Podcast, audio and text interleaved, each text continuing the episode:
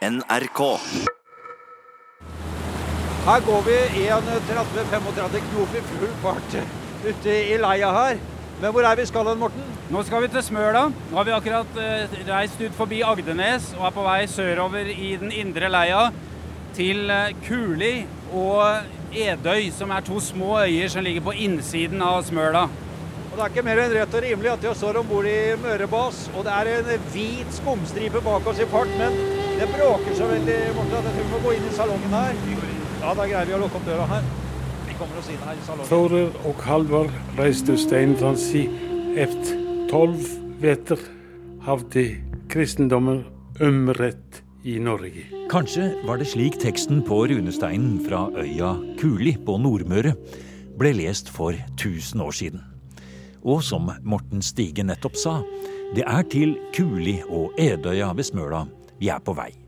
Om ikke så lenge skal vi høre mer fra runeforsker Jan Ragnar Hangland om både ordet nuriki og tolv vintre siden kristendommen. Vi skal på grubleseminar.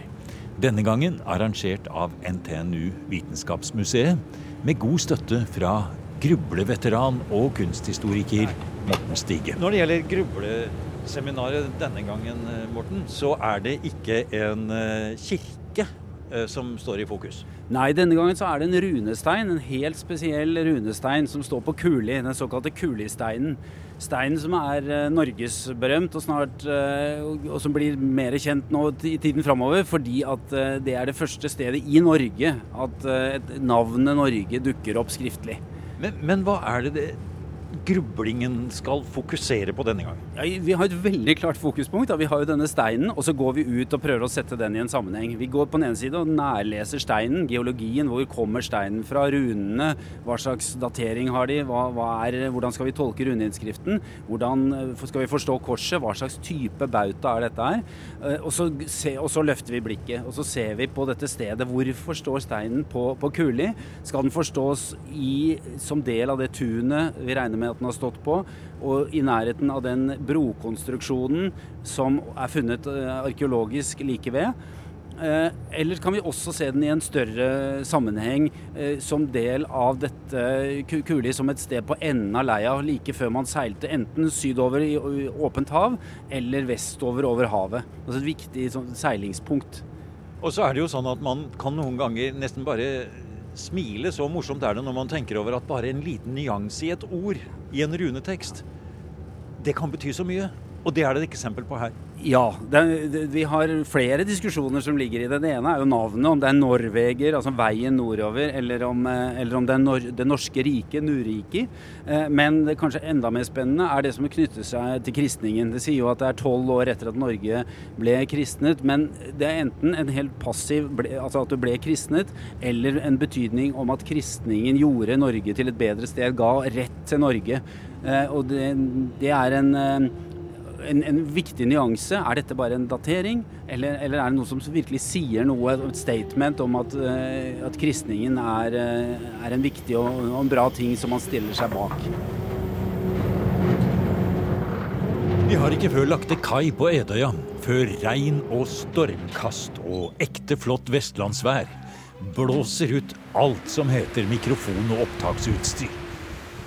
Etter hvert skal grublerne søke ly på det moderne kultursenteret like ved den flotte steinkirken fra 1100-tallet.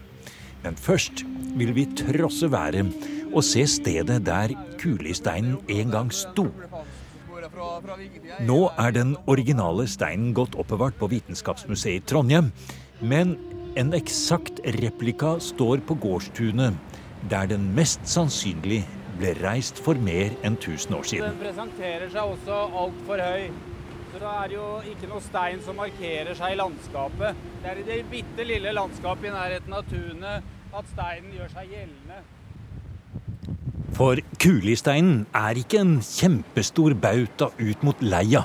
Den er monumental, i litt over mannshøyde, i mørk gneis med hornblende og med rosa båndstriper, som geologene så poetisk uttrykker det. Mest sannsynlig hentet fra gneisen på den høye og dominerende fjelltoppen på Tustna tvers overfor Edøy på fastlandssiden. Det er teksten på den ene langsiden, og ikke minst det store, røde kristne korset, som er hugget inn på hele flatsiden, som gir kulisteinen det monumentale preget. Et kristent kors i en tid da dette var noe helt nytt. En ny tid, en ny religion, et tidsskille. Det er det som gjør både teksten og ikke minst de små nyansene i tolkningene av ord og vendinger i runeinnskriften så spennende. Vi vender tilbake til runeforsker, professor emeritus Jan Ragnar Hagland. Ja, den norsk, moderne norsk versjonen versjon vil det være noen sånn som eh, Toro Halvard reiste denne steinen etter noen, som vi ikke kan lese tydelig. Og så i neste linje da står det tolv vinter hadde kristendommen bøtt på ting i Norge, eller i Norge. Vi får altså opplysningen om Nordriki. Ikke Norvegen, men Norriki. Ja, det er mitt forslag, men eh, det er mulig å, å lese det også som Norregi. Men uh, i seg sjøl er det ingenting i veien for å lese det Norriki, sånn at det siste leddet blir et uh, navn som ligner på Sveariki, f.eks. Min mening av akkurat den saken er at begge navnene har faktisk vært i bruk, men kanskje på litt forskjellig måte. Dette er første gang vi hører ordet Norriki, er det ikke det?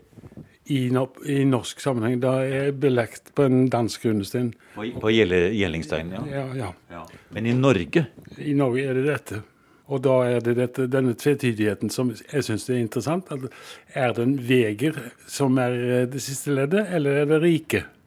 Uh, og begge deler kan det argumenteres for. Men uh, jeg, tror, jeg, tror, faktisk at vi har et rike. Ja. Og så ser det ut som at deler av toppen av steinen er brutt av, slik at teksten er ikke da komplett.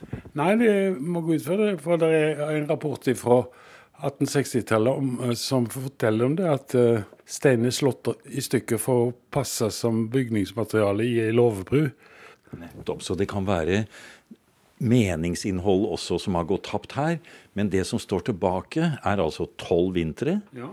Kristendommen har kommet til landet. Ja. Men står det 'har virket' eller 'siden kristendommen kom'? Ja. Der har du ditt, din egen tolkning. Ja, det der leses om rette på ting, umrett. Og det er det stor diskusjon om. Ingen, de fleste er uenig i det. Forklar litt hva den forskjellen egentlig består i. Det blir en forskjell, for den første, den som har lest verit, da blir det en ren datering i forhold til noe. Eh, mens hvis den sier at, at den har rette på ting, eller forbedrer ting, eller hva, vi velger av uttrykk det, så er det jo en kvalitativ utsegn om kristendommen som tar stilling. Og, og, gir en samtidig oppfatning eh, om hvordan kristendommen skal oppfattes, eller hvordan den faktisk var. Eh, Steinen har da dette utsagnet om at Nordriki nær sagt fins, fordi det nevnes. Ja. Eh, og at det har da blitt et kristent riki, hva nå det måtte bety. Mm. Og begge disse to tingene er jo noe som mange mener er det store tidsskillet. Norge blir et rike, og det blir et kristent rike. Er derfor denne steinen, syns du som rundeforsker, eh, en viktig stein? Den er viktig, og den eh, omtaler en ny tid kristendom, og den, fører inn et begrep for noe som vi tror er landsnavn, men vi vet jo ikke helt hva det ligger i dette begrepet.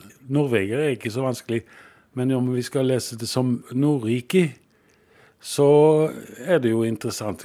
Hva omfatter det i tilfelle? Stort område. Eh, hele diskusjonen om hvorfor kullesteinen er der den er, går jo inn i en sånn problematikk også. Og den problematikken, hvorfor står kulesteinen akkurat der den står? Hva menes det med Nordriki? Er det kanskje et rike, et samlet område under én leder langs skipsleden akkurat her i Trondheimsfjorden? Eller kanskje det er slik som Jan Ragnar Hagland foreslår, at begge navnene Nordriki og Norvegen, ble brukt om hverandre? Og det er ikke grubleseminar uten at mange forskjellige fagfolk møtes, med ideer fra forskjellige fagområder. Arkeologi, kunsthistorie, kulturhistorie og for den saks skyld dyp lokalkunnskap. Og en ekspert på historiske stedsnavn. Både de som står på kart i dag, og de som for lengst er forsvunnet fra daglig bruk. Kan det være et enda eldre navn på riket eller området som sogner til den skjermede skipsleden Nordveggen langs norskekysten? Vi skal møte smølaværing og internasjonal forsker på stedsnavn, Arne Kruse. Han har i flere tiår forsket og undervist ved Scandinavian Studies på universitetet i Edinburgh. Nå har vi tatt han med ut i blåsten og helt ned i fjæra på Smøla, så nær leden vi kan komme. For det er skipsleden som har betydd alt for historien her. Og leia er jo så sentralt eh, til det som vi snakker om på dette seminaret. Det er jo grunnlaget for, eh, for Edøya og Kuli som senter. På, ja, på samme måte som Avaldsnes er det lenger sør, og som Giske og Godøya er det, og som Selje og Kinn er det også. Så, så, dette er en del av et mønster der leia står helt sentralt. Ja. Og vi forstår jo begrepet med leia, altså den skjermede leden ja. hvor skipene kan gå både nordover og sydover ja. til og fra de viktige stedene for å unngå å gå ut i det åpne havet. Og du studerer jo bl.a. navn, stedsnavn. Altså du, du, kan i hvert fall eh, se det her på Smøla. Så kan du, du kan se det ut ifra navnet Smøla som eh, betyr smule. Det har, altså det har, med smule å gjøre, det som er oppsmula. Det som er et farlig eh, område for eh, sjøfart. Eh, så det er ad, en, en, advarsel til de som er ute og seiler. Og så eh, Det du kan gjøre når du kommer til, til eh, åpninga av Trondheimsleia, som jo Smøla og Kuli er, det er å seile rett imot Tustnafjella. Og da har du Tustna, som sannsynligvis kommer fra et ord som har med en stav å gjøre. Altså Et seilingsmerke, rett og slett? Et seglemerke, akkurat. Ja, ja. Det er det. Så, uh, men, men, samtidig så er det jo sånn som du har påvist, at uh, mange av buktene, vikene og de skjermede stedene rundt her, der finner du spor i stedsnavnene etter at der har det vært havner. Ja, uh, Eh, på slutten av eh, Hustadvika, altså den nordlige delen, så har du jo Kristiansund. Og det gamle navnet på Kristiansund er Fosna, som kommer av et eh, ord som, som betyr beskyttelse. Altså i, praksis betyr det den gode havna som Kristiansund har. Så, og vi finner slike navn på Fosen nedover kysten. Systematisk som indikerer altså gode havner. Arne Kruse er ekspert på språkvitenskap og har særlig studert hvordan forskjellige mønstre av stedsnavn kan fortelle om bosettingshistorien i et område. Som langs leia rundt Smøla, og for den saks skyld i det skandinaviske og norrøne Skottland.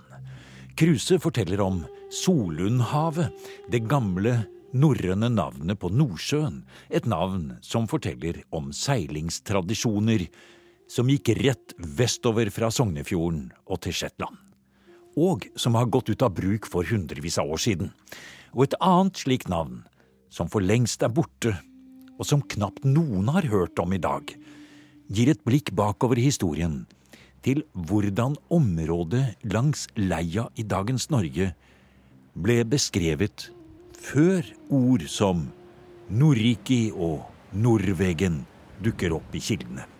Ja, det er, som jeg nylig har skrevet om, det, det er et ord eller et navn som du finner i irske analer fra ja, 850 til 870-tallet. Eh, og flere ganger så, så blir eh, navnet Leifland eh, nevnt i disse kjeldene. Og det, da er det snakk om at det er kongen av Leithland som har kommet ned til Dublin. Og det, det er nevnt igjen. Sønnen til kongen av Leithland har kommet dit. Og folk har jo undra på hva dette Leithland eh, betyr. Og jeg har framsatt teorien om at det, det på urnordisk Det er jo såpass gammelt dette at det er før norrønt. På urnordisk så kan det bety leiland, altså landet langs leia.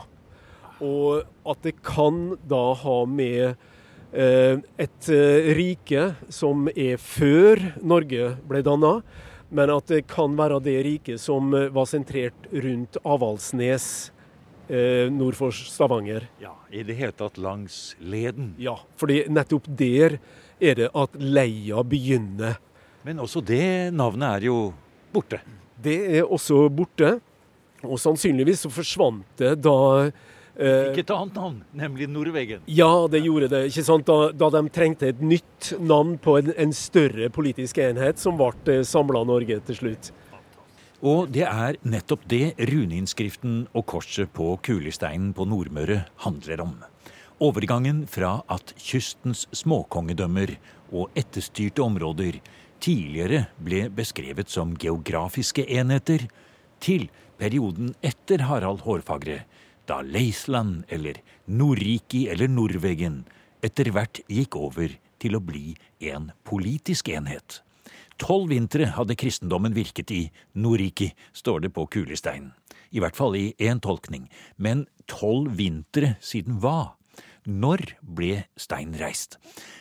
Å datere en stein er ikke så lett, men ut fra stedet der steinen opprinnelig sto, har arkeologiske undersøkelser funnet en slags vei over myrene, brolagt med runde trestokker. Og trestokker kan man finne ut av med årringsdateringer eller dendrokronologi. Førsteamanuensis Terje Thun, som arbeider på NTNU Vitenskapsmuseet, var også med på grubleseminaret på Kuli. Og han har jobbet mye med å komme fram til riktig datering. Først ble det litt feil. Ja, vi fikk en feildatering. Det var tidlig på 1990-tallet, før vi helt hadde bygd oss skikkelig over det bygge, byggestoppen.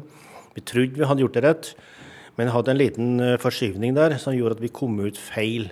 Eh, si jeg, da, kom ut feil med datering på en eh, 30 år feil. At jeg gjorde en eh, materiale i den brykonstruksjonen ut til kullestein 30 eh, år yngre enn den egentlig er.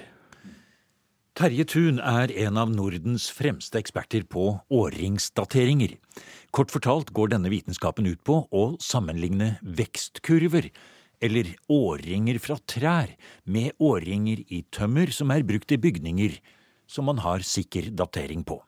Slik kan man legge lange kronologiske serier med årringer over hverandre og overlappe bakover i tid. Men kurvene må være sammenhengende, og lenge var det et hull midt i middelalderen som man ikke greide finne ut av. Ja, vi har store problemer med 1300-tallet, eller jeg hadde. Og det skyldes bygningsstopp, rett og slett. Man uh, slutta på et tidspunkt, uh, eller man slutta ikke, men man reduserte veldig sterkt byggevirksomheten fra slutten av 1200-tallet. Uh, jeg trodde lenge at dette hadde litt med svartedauden og sånt å gjøre, men svartedauden er 1349-1350 i Norge. Men her har vi både i Norge og resten av Europa en sterk nedgang i byggevirksomheten fra, fra slutten av 1200-tallet og helt fram til 1400-tallet. Sånn det, inn, det, gjør jo også at svartedauden senere kom inn som en effekt av det, dette her. Men den nedgangen i byggevirksomheten må jo ha den årsak. Altså det er ikke svartedauden i 1349 som stopper byggevirksomheten. Den stopper jo tidligere. Og Personlig så har jeg veldig sterk tro på at dette har med eh, dårlig avlinger å gjøre. At du har tilbakeslag med avlingene eh, som skyldes klimaendringer. Du har eh, allerede fra slutten av 1200-tallet eh, dårligere klima, og du inn på 1300-tallet har du veldig sterke nedbørsmengder i flere år som ødelegger avlinger. Og dette leser jo ikke du ut fra kirkebøker eller andre ting. De leser rett og slett ut fra tykkelsen i årringene. Ja, tykkelsen i årringene, som, som, er en reflekt fra endringer i omgivelser, og tilgangen på materiale av den type materiale vi, vi, har her. Og Det som er interessant, at det er jo ikke bare et norsk fenomen, det er et europeisk fenomen. Hvor um, europeiske kollegaer med de kom frem til akkurat samme resultat. Hva ble din endelige eh, konklusjon for eh, denne broa i myra som har vært i nærheten av kulesteinen? Jo, ytterste åring er fra året 1002. Det betyr jo da at det, det treet har blitt hogd vinteren 1002-1003. Så må man jo da gruble videre. Er den dateringa Den daterer jo det treet når det er felt. Har det noe med kulesteinen å gjøre? Har det noe med alderen på kulesteinen å gjøre? Det er jo noe vi skal gruble om i det seminaret her. Har du sett på maken med hvit, eller sølvmalte bildekk rundt? Dette er storveis. Ja. Og her ser du det er blomster også, så til våren så blir det blomster rundt her. Ja, helt utrolig, altså. For et syn. Steinen er jo riktig. Det er jo, ser jo ut til å være akkurat den samme lagdelen til gneisen. Sånn at i hvert fall med et u, u, u, ja, ulærd blikk, så, så ligner dette veldig på kullesteinen. På Smøla, Kuli og Edøya er vi med på grubleseminar med en hel bukett av spennende forskere som prøver sine ideer mot hverandre. Det handler om runesteinen fra Kuli, og når været letter opp grann, kjører grublerne innom Edøen Mekaniske, et bilverksted, med sin egen helt ekte bautastein, av samme type som kulisteinen, men denne gangen dekorert med fem hvitmalte bildekk i en pen ring rundt blomsterbedet ved foten. Er det noen innskrift på denne bautaen på noen måte, annet enn han er sagt Dunlop? Nei, den er ikke noe, det er ikke noe inskripsjon på den. og Den var funnet som sagt oppe på kirkegården. Der lå den i min tid, men den var kalla for bautaen. Og så ble den rydda bort, for han visste ikke bedre da den tida. Nei, Men På hvordan da? Har den kommet hit, da? Inn på et bilverksted? Ja, det kan du si. Det var naboen da som eh, var oppmerksom på at de skulle rydde den bort. Og han tok vare på den. Heldigvis. Så den ikke ble, ble lagt i fjæra. Det er lokalhistoriker og grunneier på Edøya, Per Hasle, som forteller om bautaen på Edøen Mekaniske. Og gravhauger, kulturminner og arkeologiske funn er ikke noe særsyn her omkring, sier han. For den som er over ploglaget, det er borte.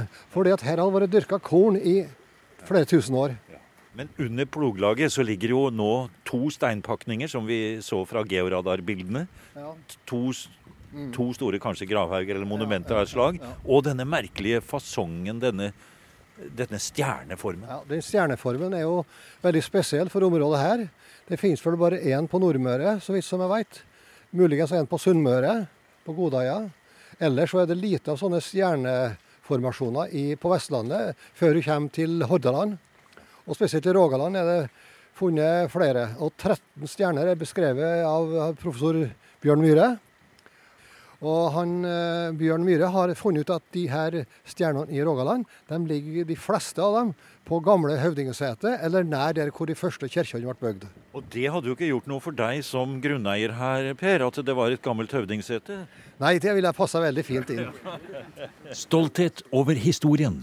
Hvordan kulturminner har blitt tatt vare på på forskjellige måter gjennom forskjellige tider. Det er også noe å gruble over, sier kunsthistoriker førsteamanuensis Margrethe C. Stang fra NTNU. Hun er også styreleder i Fortidsminneforeningen, og filosoferer litt over bilverkstedbautaen. Jo, det, er faktisk eh, nesten som man kunne kalle det samtidskunst, da. Egentlig. Det er en installasjon. Det er som en installasjon, Ja. Helt utrolig. Men e- egentlig så er det jo også litt stas, da. Det kan jo ofte bli mye sånn uh, kulisser, på en måte, og må- måten vi regisserer eh, kulturminner. Men her så står det jo midt i samtiden. Jeg syns det er veldig fint. Og det gir jo faktisk også en viss refleksjon rundt kulesteinen også. Det at den er satt inn på et tunområde for å markere noe. Man er stolt av noe. Eh, Det er et utsagn om noe. Det er jo det grublingen går ut på hva det er. Men Og sånn, sånn bautastein er jo på en måte et utropstegn i landskapet. da. Og, og de fleste bautasteinene vi har bevart i Norge er jo helt uten skrift. Det er bare det utropstegnet. Og så får du kulesteinen, som de tydeligvis har veldig lyst til å fortelle noe mye mer. Og da har du både korsinnrissingen, og så har du en ganske lang og relativt komplisert tekst. da. En skikkelig sånn kraftpakke av et budskap. I dette programmet har vi bare hørt litt av alt som skjedde rundt grubleseminaret på Smøla. Det var et stort arrangement i kirken med ordfører, musikk og dikt. Det var et åpent seminar for publikum og mange engasjerte innlegg. For arrangør Tove Eivindsen på NTNU Vitenskapsmuseet har det vært et vellykket arrangement. Masse ny kunnskap, i fremtiden kanskje en bok, og ikke minst en PR-strategi for å gjøre Kulisteinen stor igjen. Ja, Kulisteinen som kjendis, det er mottoet. Så eh, min jobb er å stille veldig mange kanskje til dels dumme spørsmål, eh, for å kanskje fremprovosere noen spar som vi kan fortelle til allmennheten at nå er, har vi ny og oppdatert kunnskap om et veldig viktig gjenstand i norsk kulturhistorie. Og så virker det på meg i hvert fall som om folk her på Edøy og i hele området her på Smøla, de er på en måte stolt av denne steinen. De er veldig stolte, og du ser jo at Kulisteinen eh, er jo brukt som kulturpris og mye annet. Og Møre bispedømme hadde nylig en kronikk om den. Språkrådet skriver om den. Så folk her i området er jo veldig bevisst den store betydningen. Det er jo vi andre det som må komme etter.